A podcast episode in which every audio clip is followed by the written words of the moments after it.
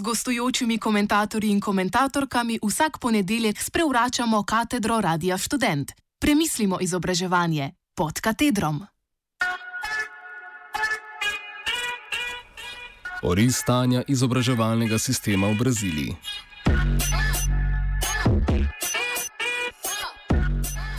Današnji komentar prihaja strani Federacije revolucionarnih sindikalnih združenj Brazilije in orisuje trenutno stanje izobraževalnega sistema v Braziliji.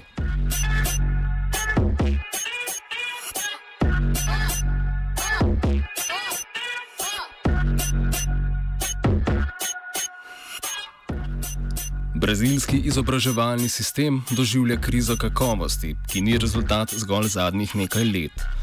Do 90-ih let prejšnjega stoletja je bila izobrazba dostopna zgolj majhnemu številu prebivalcev. Šele takrat je prišlo do poenotenja izobraževanja za otroke do 15. leta starosti. Javne šole so ponavadi povezane s prefekturami, ki skrbijo za šolanje otrok od 7. do 14. leta starosti, in provincami, ki skrbijo za šolanje otrok od 15. do 18. leta starosti. Kvaliteta šolanja na teh šolah je v splošnem slaba. Na drugi strani je osnovno javno šolstvo, ki je povezano s federativno vlado na zelo visoki ravni, a sta van vključena zgolj 2 odstotka vseh učencev v sistemu javnega izobraževanja. Skoraj 80 odstotkov vseh šolajočih se v starostni skupini od 7 do 18 let je vključenih v en ali drug sistem. Posem obratna situacija vlada na univerzah. Skoraj 90 odstotkov vseh upisanih na univerze se šola na zasebnih univerzah.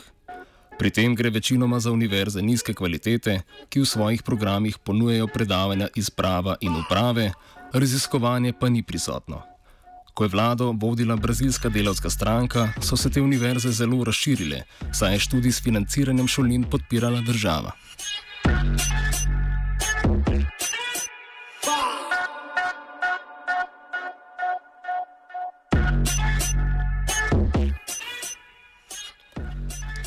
Pogoji za delo učiteljev so slabi, njihove plače pa nizke.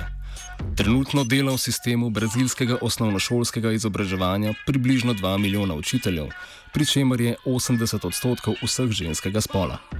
Najvišja plača usposobljenega, usposobljenega učitelja z doktoratom, ki opravi 40 učnih ur tedensko, je znotraj federativnega sistema šolstva 1500 evrov mesečno. Učitelj sociologije, filozofije ali zgodovine bo imel na primer v enem šolskem letu v poprečju 9 razredov s po 30 učenci. To nanese okoli 270 učencev v enem šolskem letu, ki je dolgo 200 dni.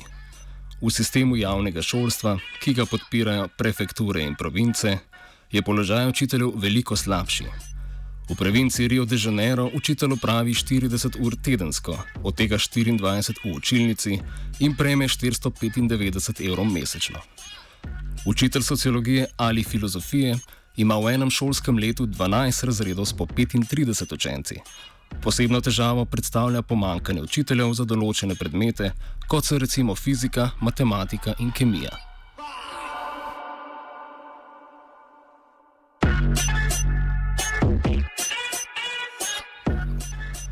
Na področju srednjih šol za mladostnike med 15 in 18 letom prihaja do velikega upada v upisu.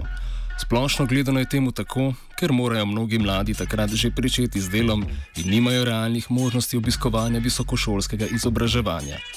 Med temnopoltim prebivalstvom v tej starostni skupini je srednjo šolo končalo 52,6 odstotka vseh. Do leta 2014 se je delež belskega prebivalstva z dokončano srednjo šolo v tej starostni skupini dvignil na 71,7 odstotka. Za povrh se je v zadnjih petih letih zaprla na stotine srednjih šol na podeželju.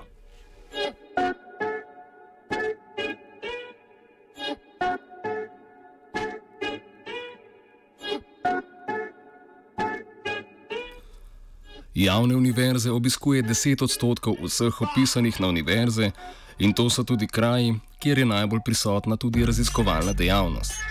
S kvotami za temnopolte prebivalce, avtohtone prebivalce, tiste, ki so preobiskovali javne šole, in s kvotami glede na dohodek se je profil študentov spremenil, saj je dostop do šole nadobilo več različnih prebivalcev. Vseeno neenakost ostaja, saj je prisotna že pred vstopom na javne univerze zaradi neobveznega državnega izpita ENEM. Posledično so na programih, kot je naprimer medicina, večinoma premožni in beli študenti. V Braziliji ima samo 17 odstotkov ljudi v starostni skupini od 24 do 35 let visokošolsko diplomo.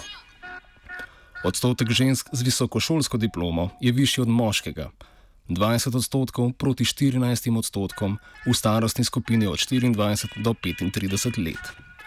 Hkrati pa je samo 12,8 odstotka temnopoltih študentov, torej črnih in rjavih, v starostni skupini od 18 do 24 let, vključenih v sistem brazilskega visokošolskega izobraževanja.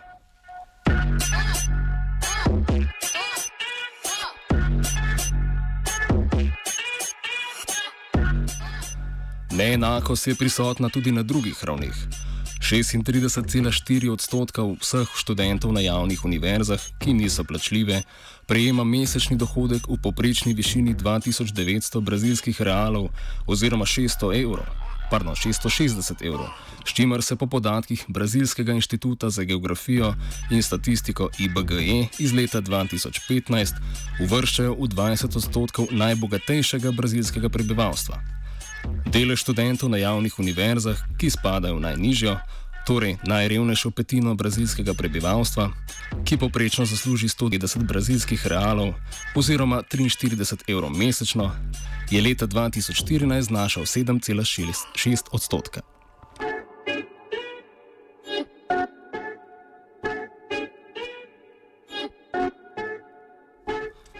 Letu 2004 je 45,5 odstotka temnopoltih v starosti od 18 do 24 let obiskovalo univerzo.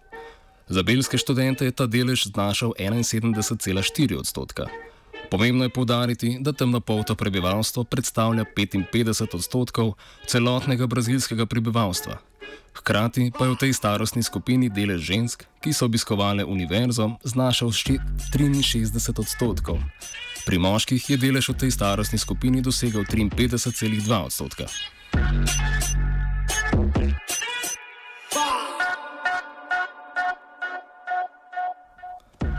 Trenutno prihaja do pritiskov v smeri liberalizacije sistema javnega izobraževanja. Brazilija je kot država ena izmed največjih kupcev učbenikov.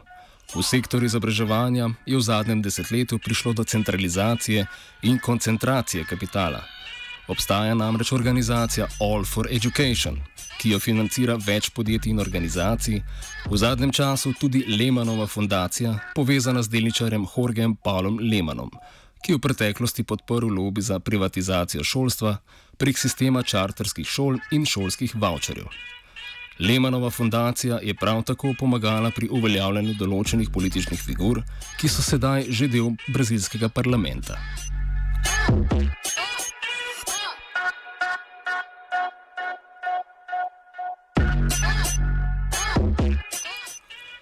V času vlade Dilme Rusev je prišlo tudi do reforme brazilskega sistema visokošolskega izobraževanja, ki slabi tako osebni razvoj, kot tudi splošno izobrazbo učenca.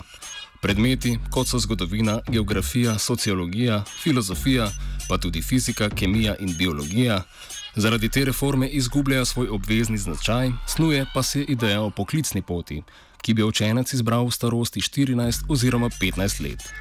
Hkrati pa je federativna vlada osnovala skupno državno osnovo predmetnika, kar pravzaprav pomeni standardizacijo pedagoškega procesa, ki bo dejansko služila interesom založnikov.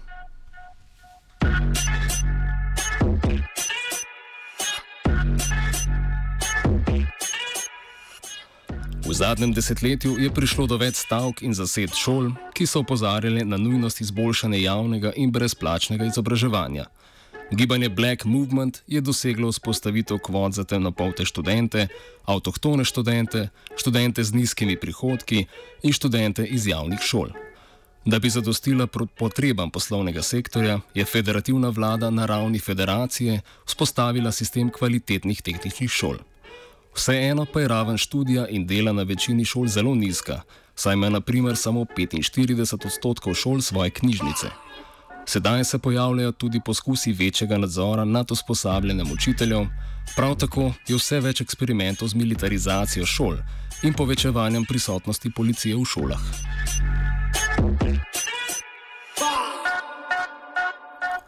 Komentarji iz angleščine prevedla Anja Zidar.